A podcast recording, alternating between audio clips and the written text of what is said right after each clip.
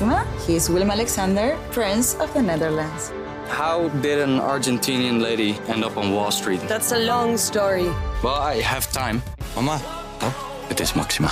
ik heb er nog nooit zo verliefd gezien. Screw everyone. All I care about is you. Maxima. Vanaf 20 april alleen bij Videoland.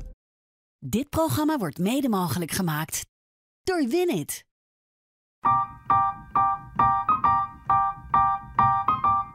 Eens in de zoveel tijd komt er een verhaal mijn mailbox binnenglijden waarvan ik denk: wauw, dit moeten mijn luisteraars horen. Zo kreeg ik een mail van een 59-jarige Sylvie, die als een godin in Frankrijk leeft met haar, ja, met haar harem jonge mannen.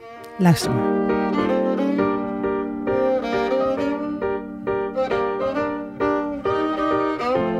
Ik voelde heel duidelijk aan met mijn voelsprieten wie mij het meeste nodig had. En wie er misschien- iets zich onzekerder voelde. En dan had ik gewoon twee kleuren badjassen. en ik trok er dan één aan. Zoals ik dacht van nou, die heeft meer behoefte aan mij. We hadden een grote woning. We sliepen ook, beneden was ook een slaapkamer. Oh, dus hij bleef ook gewoon bij jullie slapen? S winters eh, was hij bij over. ons in huis. Even dit. Team Over de Liefde is super blij met jou als trouwe luisteraar. Ben je nou ook blij met ons? Abonneer je dan op deze podcast. Oh, en heb jij een bijzonder liefdesverhaal dat je met ons wilt delen? Laat het mij dan weten. Stuur een mail naar debbie.ad.nl of laat een DM achter op mijn Instagram, @debbiegerrit.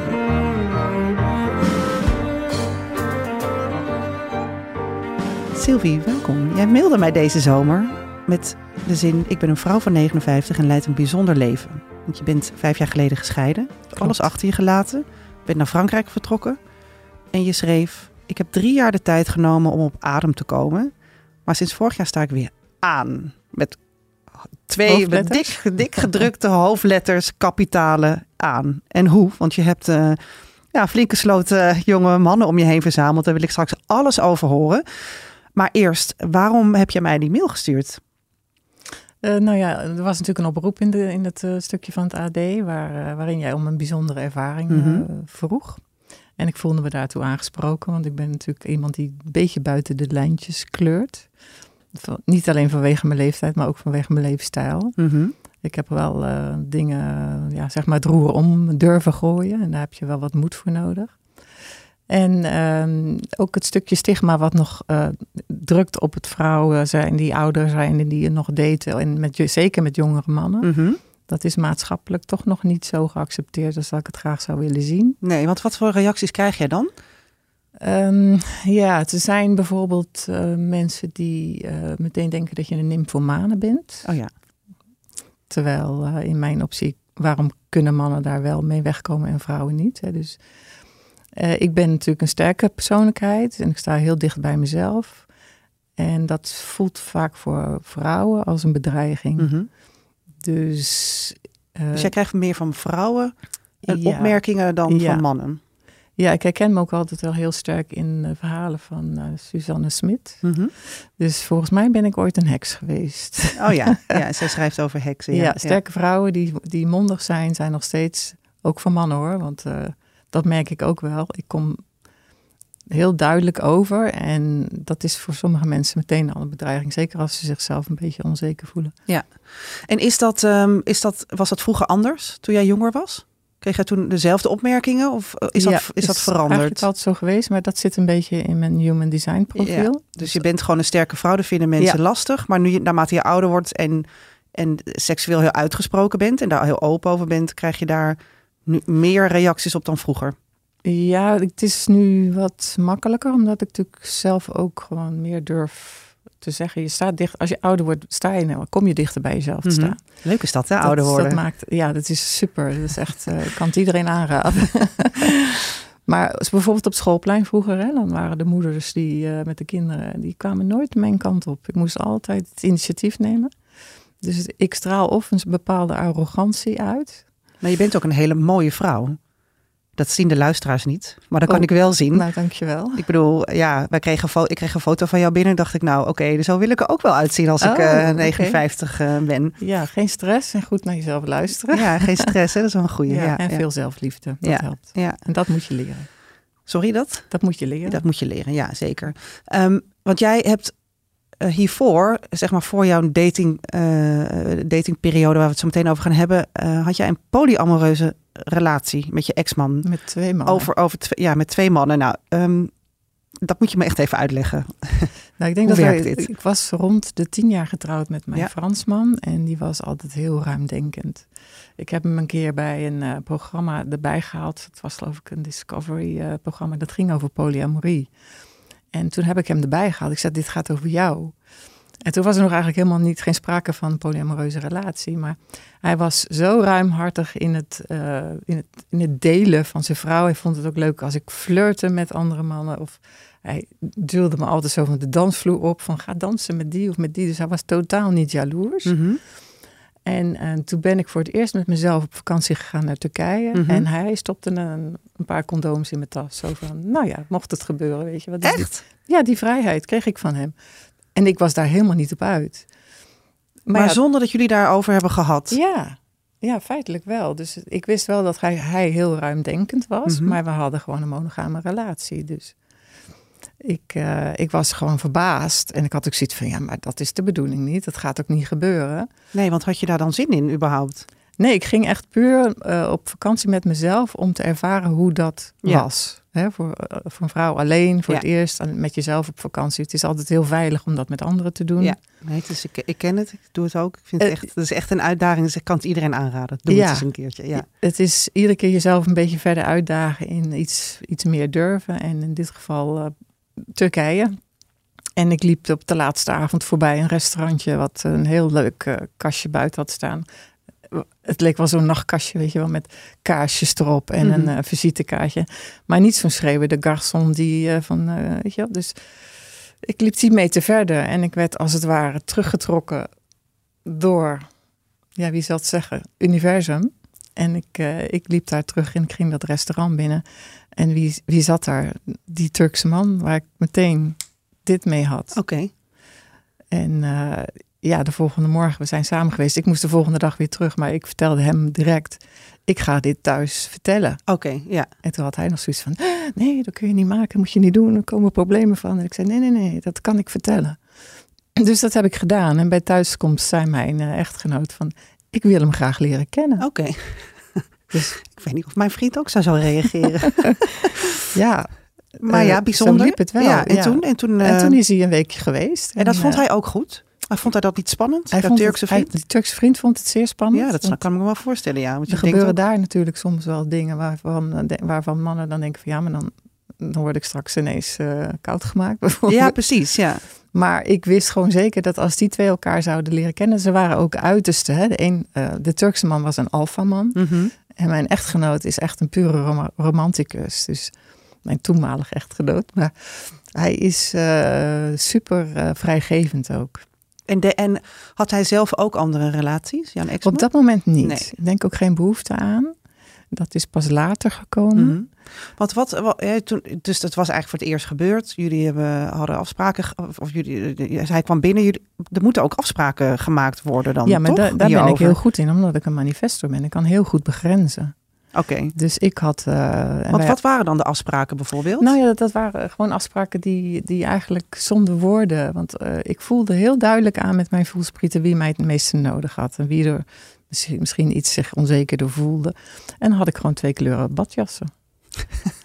en ik trok er dan één aan. Zoals ik dacht van nou, die heeft meer behoefte aan mij. We hadden een grote woning. We sliepen ook, beneden was ook een slaapkamer. Oh, dus hij bleef ook gewoon bij jullie slapen? Dus was hij bij over. ons in huis. Dus we hadden een soort, eh, ja, het was echt een soort een dynamiek die, en hij was een projector, dat zeg je misschien niks, maar hij was dus eh, een ander energietype.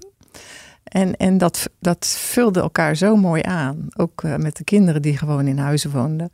Ging hij spoor zoeken, terwijl eh, papa hele andere dingen gaf. Dat was meer de clownpapa die ze hadden. Maar hij eh, ging met ze op, eh, ja, op speurtocht. Maar had jij, dan, had jij dan met de Turkse man vooral een seksuele relatie? Ehm, Nee, een, het is een liefdesrelatie, maar je hebt gewoon een primaire partner in polyamorie en een secundaire partner. En met die secundaire partner hoef jij geen kinderen of verantwoordelijkheden te delen die je met je primaire partner wel deelt. mhm. Dus dan is het echt een aanvulling op je relatie. Terwijl Maar- je eigen ja. huidige relatie, je primaire relatie, daardoor ook kan verbeteren. Maar is dan die primaire relatie dan eigenlijk niet, niet goed genoeg?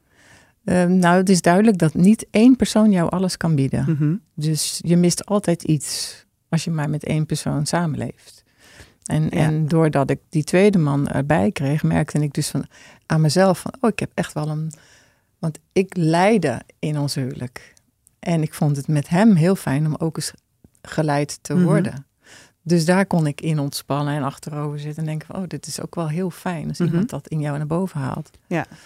Maar je zegt van ja, je kan niet alles in één partner vinden. Nou, dat, dat geloof ik. Hè? Want, Mhm. Maar moet, moet je dat dan willen? Nou ja, ik vind het eigenlijk wel een beetje zonde dat je, dat je alles uit. Want je, je vraagt veel van één partner. Hè? Mhm. En als hij aan sommige dingen niet voldoet, dan ga je daar misschien over klagen. Of je gaat met je vriendinnen bespreken van ja, hij is niet romantisch, weet je wel. Maar ja, goed, hij kan wel koken. En in, in mijn beleving ehm, is het eigenlijk onmogelijk om dat uit één man te halen. Maar je Mhm. hebt wel die behoeftes. Dus moet je dan je behoeftes ehm, wegstoppen in een doosje? Of mag je ze ook bij een andere man ontdekken? Mhm. En als dat kan, zonder dat daar. eh, kijk, je moet wel evenwichtig in het leven staan. Je moet geen last hebben van, van jaloezie. En als je wel last hebt van jaloezie, dan praat je daarover. Maar het gaat er hier eigenlijk om dat je emotioneel stabiel bent. En als je dat niet bent, moet je er niet aan beginnen aan Nee, want je dan, Je vraagt eigenlijk aan drie mensen om emotioneel stabiel te zijn. Dat Juist. is echt best heel ingewikkeld. Ja, dat vergt heel veel. Ook psychisch moet je gewoon wel inzichtelijk Ja. kunnen zien van oké, wat vraagt het? En je moet het tempo van de langzaamste aannemen. ja, ja. Dus degene die het langzaamste groeit, ja daar moet je, daar, moet je je aan sturen. aanpassen. En, want j- jullie hadden, eh, hebben kinderen. Ja. En wat vonden jouw kinderen ervan? Wat vond jouw omgeving daarvan? Dat, dat er een Turkse man bij jullie in huis woonde, zo af en toe. Ja, kijk, voor ons was het gewoon heel normaal. Want ook die dynamiek in huis. Hij, hij kookte Turkse voedsel bijvoorbeeld en Turkse gebruiken. En wat mijn eigen echtgenoot zeg maar niet zag, dat zag hij wel. Weet je wel, dan riep hij van, wat, wat heeft mama weer heerlijk gekookt, weet je wel. Dus het is een hele andere cultuur en dan wordt ook de hele dynamiek in huis. Maar ik vond het een verrijking. Ja. Maar jouw kinderen dachten niet van dat is raar. Nee, helemaal niet. En, jou, en jouw ouders? Ja, omdat we daar zelf. Mijn ouders hebben daar, vooral mijn vader heeft daar wel heel veel moeite mee gehad. Die heeft ook echt twee jaar eh, de deur op slot eh, Ja. gehouden. Maar ik dacht gewoon van ja, weet je, het gaat om liefde. Mhm. Wat kun je erop tegen hebben als er nog meer liefde is? Mhm. Om te verdelen met elkaar. Ja. Dus die heb ik gewoon de tijd gegeven. Ja, het is grappig, want ik vind, ik, ik vind het zo fascinerend, de, de polyamoreuze relaties. Want ik, ik zou het gewoon echt nooit kunnen. Ik zie alleen maar beren op de weg en gedoe van ja, hoe, hoe moet je dingen met elkaar afspreken. En je bent zo druk ook met heel veel partners. Ja, je Ehm, moet, ik had ook geen baan, hè? daarnaast. Nee, je hebt, gewoon, je, je hebt het wel druk mee. ik had er wel een deeltijd. En jou zeggen dat een, je een hebt een deeltijd. fulltime baan. Fulltime baan. Ja. Maar ik kon het ook heel goed. Maar Ik wat was, maakt het dan zo aantrekkelijk, zo'n relatie? Nou, dat het mag. Dat je, dat je Ja, ja. dus dat een andere man dingen uit jou naar boven haalt die je dus niet hoeft te verstoppen voor jezelf. Ja, ja. Dus dat maakt het fijn voor jou. Maar het Ja. kan ook misgaan, toch? Jazeker, het is ook misgegaan. Toen bleek dat mijn echtgenote verliefd werd op een onstabiel eh, jonge vrouw. Die eigenlijk nog een klein meisje bleek. Waarvan ik wel zag van, oké, weet je, van een afstandje van... eh hij ging ook een beetje eh, lopen redden. Oh ja. En dus dan- zij vond het eigenlijk niet zo leuk allemaal. Nee, ik zei, zij was erop uit om een primaire partner van hem Ja, te maken. En dat heb ik hem natuurlijk wel geprobeerd duidelijk te maken. Maar hij was, ja, had gewoon een roze bril opgezet. Ja. Maar ik zag zo langzamerhand wel het schip een beetje op de klippen lopen. Dus ik ben er... Want ik wist, hij kon het niet. En zij kon het niet. Dus ik was de enige die daartoe... eh, Maar dacht jij toen niet van, wacht even, waar ben ik aan begonnen? Even, even de rem erop en alles weer terug naar de oude situatie, want dit gaat mis. Nee, dat loopt gewoon zoals het lopen moet. Oh ja, Ja, dat kun je niet meer eh, ombuigen. Dat loopt gewoon zoals het lopen moet. Dus Ja. ja, hij is naar haar toe eh, meer gaan buigen. En, en maar ik werd eigenlijk een beetje een soort secundaire partner. En Ja. ik heb zat aan de bel getrokken natuurlijk. Ik zag het gebeuren. Maar ik dacht ook tegelijkertijd van... Ja, je kunt het niet afdwingen hè, als iemand verliefd wordt. En, en nee, zeker niet. Maar goed, die deur heb jij natuurlijk ook opengezet in ja, principe. dus ja. het is ook een stukje vorm van... Ik, ik gunde hem ook die ontdekkingsreis. Want die heb ik zelf ook mogen meemaken. Maar ik zag het wel dat er ineens twee on- onevenwichtige Ja. mensen met elkaar. De een het slachtoffer en de ander de redder. En toen dacht ik van nou, dan kan ik alleen mezelf maar redden. En doordat ik dat dus wel kon, dat begrenzen, eh, ben ik er voor mezelf gewoon, heb ik die eh, beslissing genomen van nou, dan is het tijd dat ik de eh, andere kant op ga. En ik had ook gezegd van als hier een zwangerschap uit voortkomt, dan ben ik weg. Want En dan vind ik gewoon dat jij je verantwoordelijkheid moet Ja. nemen. Zij had een- duidelijk een kinderwens. Ja. En het is natuurlijk ja, gewoon gebeurd zonder dat er iets over ja, gezegd werd naar elkaar of uitgesproken werd. Maar hij dorst het niet aan mij te vertellen. Pas toen ze vijf maanden zwanger was, kreeg ik het te horen. Dus. Ja. En dat was voor mij wel... Dat eh, moet wel pijn hebben gedaan. Ja, maar het hielp me ook om de knoop door te hakken. Dus dacht ik, oké, dan is het dus nu. Nou ja, en kennelijk zat ik dus in die laatste, rond de 50 maak je dus een andere Swing in je leven. ja, nou ja, derde ronde. dus daar ben ik al begonnen. Nou, daar gaan we het zo eh, verder met jou over hebben. Want die derde ronde is echt enig. Ja. Ehm, want ik ben ontzettend benieuwd hoe het gaat met, jou, eh, met jouw dateleven. Ehm, maar misschien luister je nu mee als luisteraar en denkt... ik heb wel een hele prangende vraag ook aan Sylvie. Of eh, gewoon over je eigen liefdesleven of over het seksleven of whatever. Allemaal goed. Hou je gewoon niet in en mail mij naar debbie.ad.nl of sturen een DM op Twitter of X of hoe het ook heet. eh, of Instagram, dat kan natuurlijk ook. De luisteraarsvraag. Hoi Sylvie, als ik aan mensen met een open relatie of een polyamoreuze relatie denk, dan denk ik aan mensen die de hele dag seks hebben. Ben jij verslaafd aan seks? Nee, ik ben ook geen nymphomane. Nee, het tegendeel is waar. Ik heb heel veel tijd nodig om mezelf open te stellen. Oké, Dus ook nu in het eh, datingleven, om even een sprongetje te maken, kost het mij een paar dagen. Dus ik doe ook niet aan one-night stands. Dus het is meer een vorm van, ehm, ja, je kunt me eigenlijk vergelijken met een moderne geisha. Die eerst eh, het leuk vindt om de man helemaal te verwennen en dan pas aan mezelf eh toekom. Dus Ja. ik ben absoluut niet. Maar het is wel zo dat ik naar verbinding zoek natuurlijk. En intimiteit. En dan heb je of de spirituele verbinding, de emotionele verbinding of de intellectuele verbinding. Dat kan ook heel goed. ja, ja. En dat is iets waardoor ik dus aanga. ja. En dan gaat ook de passie, eh, zeg maar, werken. Maar even praktisch, hè, want je staat aan, zei je me eh, in, Mhm. in, in. Hoeveel mannen date je op het moment? Op het moment zijn het er maar twee, maar het waren er vier. En Maar soms valt er een, vloeit er een af en dan komt er weer een ander bij. Ik onderzoek gewoon iedereen die reageert op de datingprofielen. Oh ja, want je hebt je, want je even terug, je, ging naar, je bent naar Frankrijk gegaan, je hebt alles achter je gelaten. Je dacht, en nu is mijn tijd. Ik ga me inschrijven op een dating. Ja. Site. Had je dat wel, had je dat eens eerder gedaan? Nee, al? dit is voor het eerst dat ik Oh ja. eh, ben gaan daten. Ik ben altijd eh, ja, jong getrouwd de eerste keer, tweede relatie. Eigenlijk te vroeg, maar ben ik wel gewoon heel loyaal geweest. Maar ehm de eerste jaar in Frankrijk was covid-tijd, dus het kwam voor mij heel goed uit om alles goed te verwerken. Ja. En pas vorig jaar dan inderdaad ingeschreven op de dating sites. En hoe, eh, hoe was dat? Even schrikken, want je, je wordt natuurlijk eh, enorm belaagd in eerste instantie. En dan ga je een beetje een soort eh, ja, zuivering eh, methode eh, ga je eh, uitoefenen. Ja, Selectie. Selectie, Ja. ja. selectief. Ik ben eigenlijk heel selectief geworden. En nu kijk ik voornamelijk naar opleidingsniveau. En natuurlijk of dat ze roken of niet. Want, eh, ja, Oh, ja. roken is not done. Het is gewoon Dus je kijkt gewoon heel goed van wie. En, maar krijg je veel Ja. reacties? Ja, ja wat zeker nu ik terug ben in Nederland. Ik dacht eerst van, er is iets vreemds aan de hand. Want ik was in Parijs bij een van mijn eh, lovers. Ik zeg, moet je nou eens kijken, ontzettend, alsof hij ontploft. Hij zegt, ja, je bent in Parijs, hallo. Weet je, Ja, je komt uit een, uit een deel van Frankrijk wat vrij dun bevolkt is. Ja. En in Nederland gebeurde hetzelfde. Toen wist ik van, oké, dus jouw locatie Ja, is kennelijk heel belangrijk ja, voor ja. En in, in Dus, Parijs eh, zijn natuurlijk heel veel eh, bronstige jonge mannen. Want jij valt vooral op jonge mannen. ja, jongere mannen. Ja, ja. Laten we zeggen tussen de 40 en de 46. Nou, dat vind ik heel jong. Ja, Ja, dat zeg ik als veel. Ehm, jij stuurde mij in een mail ook een foto van jezelf in mooie, prachtige lingerie. oh ja, die heb ik naar je toegestuurd. Ja, Dat nee, is heel mooi. vergeten. Nee, nee, dat is echt prachtig. Maar zet je dat dan ook op je profiel?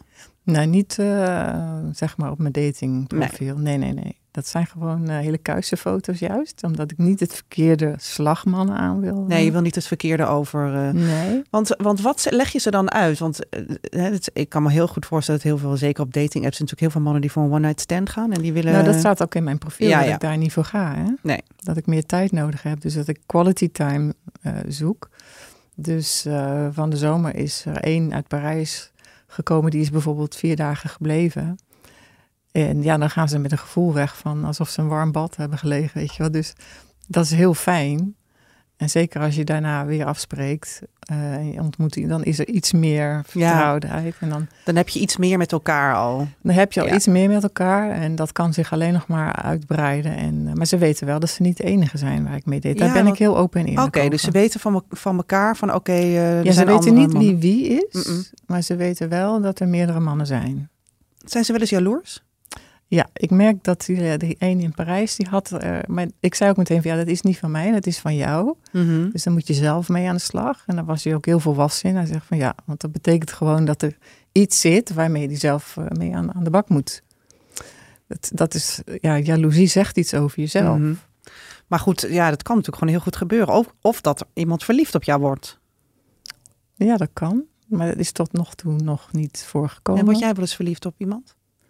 Ehm, nou, ik heb natuurlijk toen ik vorig jaar begon met dat daten, eh, gemerkt dat ik best wel snel mezelf weer wilde weggeven helemaal. Oh ja. Zo van. eh, en, en nu, nu het wat eh, verder gevorderd is, merk ik dat, dat ik daar zelf me be- mezelf beter in heb leren kennen. Door dat juist niet meer te doen, heel bewust niet te doen. Het is natuurlijk een stukje zelfbescherming. Maar daarmee kan ik ook heel goed, het is een moeilijk woord, compartimentaliseren. ik weet het Dat niet. is een heel moeilijk woord, ja. Ja. Maar in ieder geval Goed indelen wat je... het ja. indelen van oké, dit is voor deze man en dat is voor die man. En het- ik sluit het niet uit dat ik helemaal verliefd weer. Dat, dat kan je ook niet uitsluiten. Maar hoe Maar hou jij dit bij, Sylvie? Ik bedoel, heb jij, een, Manifesto. heb jij een agenda hiervoor? Of Het een mijn opschrijfboekje? Want jemig, jezus, je bent er wel druk mee, toch? Ja, maar het zit in mijn kopie en ik ben daar goed in. Ik ben ook goed in organiseren. en Oké. Ja. ja. De stelling. Een polyamoreuze relatie is gedoemd te mislukken. Nou ja, ik ben vorige week nog op een polyavond geweest in Eindhoven. En daar werd Oké. me ook het hemd van het lijf gevraagd van hoe heb je dat allemaal gedaan? En dat is natuurlijk toch eh, een beetje juggelen. Maar eh, zolang je het met evenwichtig, emotioneel ontwikkelde, stabiele mensen do- doet, kan het succesvol zijn. Dat heb ik ook om me heen gezien. Mhm. Zodra er één factor zeg maar wegvalt, of er komt iemand bij die dat eh, verstoort, dan eh, loopt het vaak fout. Maar dan, dan speel je toch ook wel een beetje hoog spel, als ik het zo mag Zou je kunnen zeggen. Ja. eh, het is een risico, maar elke relatie die je aangaat is een risico. Natuurlijk, dat is wel waar. Maar als je iemand an, hè, dus een relatie aangaat met één persoon is al ingewikkeld zat, vind ik. Als je er nog iemand bij zou hebben en nog iemand bij, dan, hè, dan eh, eh, de kans dat het dan misgaat is natuurlijk best wel groot. Ja, je hebt een grote gunfactor nodig. Mhm. Je moet elkaar dat geluk gunnen. Als een andere vrouw iets ehm, bij jouw vriend, zeg maar, losmaakt, wat, wat hij niet met jou heeft, dan zou ik zeggen, dat hoeft geen bedreiging te zijn. Want het zijn twee totaal verschillende relaties. Dus Mhm. waarom zou je je bedreigd voelen? Maar hoe kan het dan dat als, ik, als, als jij mij dit nu vertelt, ik jaloezie voel bij het beeld? Hoe kan dit en Ja. waarom heb jij dat niet? Ja, dat is ehm, denk ik toch een stukje zelfliefde wat meer ontwikkeld is misschien. Mhm. Ik voel me totaal niet bedreigd door een andere mooie vrouw. En ik zal ook de eerste zijn die een mooie vrouw een compliment maakt. Maar dat heb ik ook hoor. En dat Ja. vind ik ook niet erg. Maar zodra je zegt, nee, maar als mijn vriend of mijn, eh, mijn partner met iemand anders ook een, weet je, een, een liefdesrelatie zou hebben, dan voel ik wel jaloezie. En ik denk Ja, dat heel veel mensen dat voelen. Jaloezie is ook gezond. Oké, dus een beetje mag wel. Ja, ja, zeker. Maar je kan er altijd over praten. Joh, ik voel een beetje jaloezie. Het is van mij, het is niet van jou. Maar ik kan het wel bij jou neerleggen. Dus dat voel jij ook wel? Voel Eh, je dat helemaal niet? Ik heb het tot nog toe nooit zo gevoeld. Maar dat kan weer met mijn karakter te maken Mhm. hebben. Ik eh, vergelijk mezelf ook nooit met andere vrouwen. Dus degene die daar wel last van had, was de jongere vriendin van mijn ex-echtgenoot. die zag mij een keer in mijn lingerie, uh, want ik was gewoon heel vrij, body lotion en zo. En die vluchtte huilend naar buiten toe. En toen dacht ik van, wat gebeurt hier? Dus zij werd daar heel onzeker van. Mm -hmm. Maar het was natuurlijk niet van mij. Het was van haar. Mm -hmm. Dus ja, ik denk dat het altijd iets over jezelf te vertellen heeft. En dat, waar je zelf in kan groeien. Waar heb je, je dat altijd gehad? Of is dat, in, is dat wel een proces geweest? Of heb je van kinds af aan dit al gevoeld? Ja, intuïtief denk ik. Ja. Dus ik voel me gewoon ook heel zeker van mezelf. En, dat, en daar komt ook een beetje die bedreiging bij kijken. Wat heerlijk. Ja, niet voor de andere vrouw. Wat heerlijk dat je zo, zo sterk, uh, sterk in je schoenen staat. Ja, ik weet niet wat het is. Het is ook een soort uh, ja, uitstraling, denk ik. Mm. Dus, maar ja, voor de ene vrouw die daar zichzelf niet zo prettig bij voelt, die zal die bedreiging voelen. En dan denk ik alleen maar van ja, het is niet van mij, het is nee. van jou. En toch denk ik, hè, um, dat uh, dan, je, je bent, staat heel sterk in je, in, je, in je schoenen, maar je hebt heel veel liefdes, dus heel veel aandacht. Dat, ja. dat voelt ook een beetje alsof je ook een leegte opvult.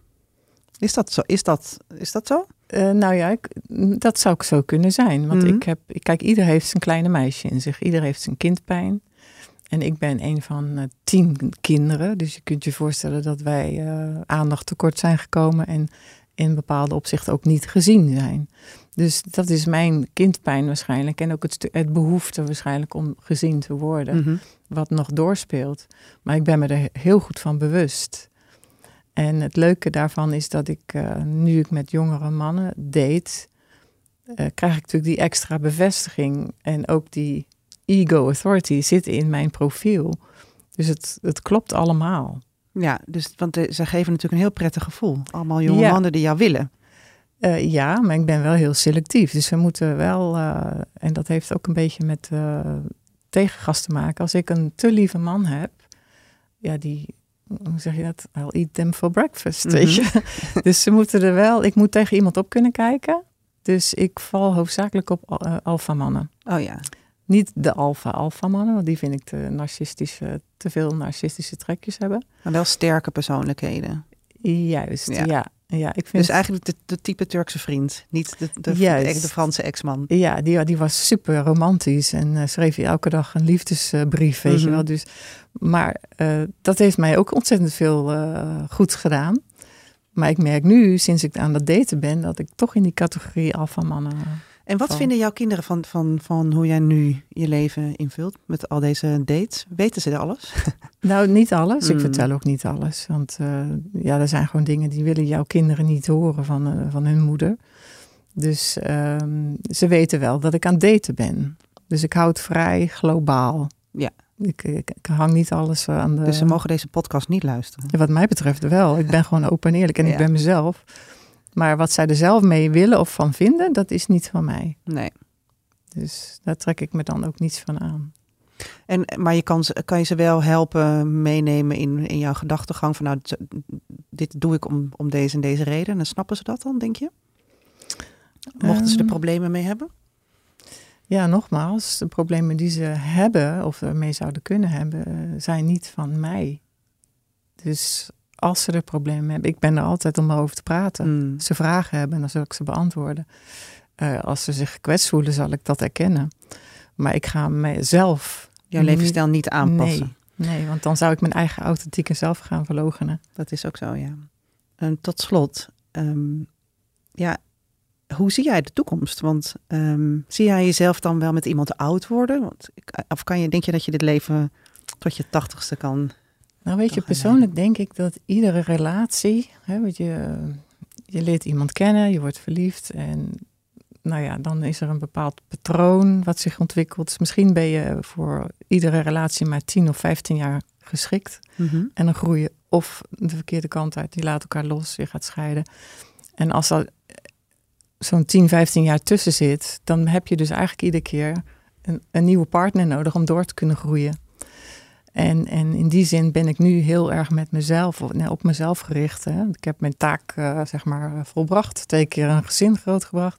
Het is nu tijd voor mezelf. En ik zeg niet nooit nooit. Want drie jaar geleden zei ik van nooit meer een vent. Weet je, nou je ziet het. Is niet gelukt. dus het zijn er nu meerdere. Wat Maar- heerlijk. Nee, van nooit meer naar meerdere. Naar Ja. meerdere, ja. Maar dat is allemaal een proces geweest natuurlijk. Mhm. Dus ik, ik kan ook niet uitsluiten dat ik weer helemaal verliefd word eh, op één persoon. En, Nee. en, en daar loyaal induik als een monogame relatie. Maar vooralsnog, zoals ik er nu in ja. sta, denk ik, zolang als, dit, als ik dit kan doen, ja, waarom zou ik dat eh, in gaan leveren? Nee, dat, dat zou kunnen. Ik heb mijn vrijheid, ik heb Mhm. mijn minnaars. Ik, eh, ja, ik, ben, ja, ik reis heel graag. Dus eh, niemand die daar iets van eh, mag vinden, behalve ikzelf. Ja. Dus je hebt het ideale leven. Ja, Je zit in je laatste, in Je je, la- zou je wel- laatste, wat zei je, in je laatste, Ja, je zit ja, niet in je in laatste fase, profiel. maar in mijn profiel zitten drie cyclussen, zeg maar. En ik zit duidelijk in die laatste cyclus. Dus dat klopt. En, en dat is de feestcyclus. Wat zeg je? Dat is de feestcyclus. Ja, een beetje wel. Maar ja, ze zeggen ook altijd dat je zelf de slingers op moet hangen. Ja, hè? dat is dus, eh, maar eh, ja, dat stukje manifestorschap wat ik jou eh, vertelde, dat komt dus echt van het human design profiel. Ik raad het je ten zeerste aan om dat uit eh, te zoeken voor jezelf. Dat gaan we even in de show notes erbij zetten. Want Ja, dat, ja. anders moeten we Mijn, gaan uitleggen eh, en dan wordt het een te lange podcast. Nee, nou ja, als mensen dat nou iets meer over zouden willen weten, mijn zwager is daar helemaal in onderlegd. En die, heeft, die geeft ook van die, die, die human design charts maakt hij. En die bijvoorbeeld ook voor gezinnen, om de dynamiek in het gezin te begrijpen. Dus eh, het, en er valt zoveel te vinden op het internet, dus je kan het ook allemaal opzoeken. Nou, we gaan het, eh, we gaan het eh, in de show notes zetten. Over de slingers ophangen, dat, dat, daar hoef ik jou niks over uit te leggen. Dat kan jij supergoed. Ja, ja. en ik, eh, ehm, ja, ik wens je het alle, allerbest toe de komende, dank je. in, je- in deze cyclus, deze komende jaren. En heel veel dank voor dit gesprek. Graag gedaan. Uh, Ja. Dankjewel. Merci. Leuk dat je luisterde naar Over de Liefde. Heb jij nou een prangende vraag over de liefde, seks of relaties? Laat het mij dan weten. Stuur een DM op mijn Instagram of mail naar debbie.ad.nl. Oh, en vergeet niet om je te abonneren op deze podcast. Maxima, he is Willem Alexander, Prince of the Netherlands. How did an Argentinian lady end up on Wall Street? That's a long story. Well, I have time. Mama, oh, het is Maxima. Ik heb er nog nooit zo verliefd gezien. Screw everyone. All I care about is you. Maxima. Vanaf 20 april alleen bij Videoland.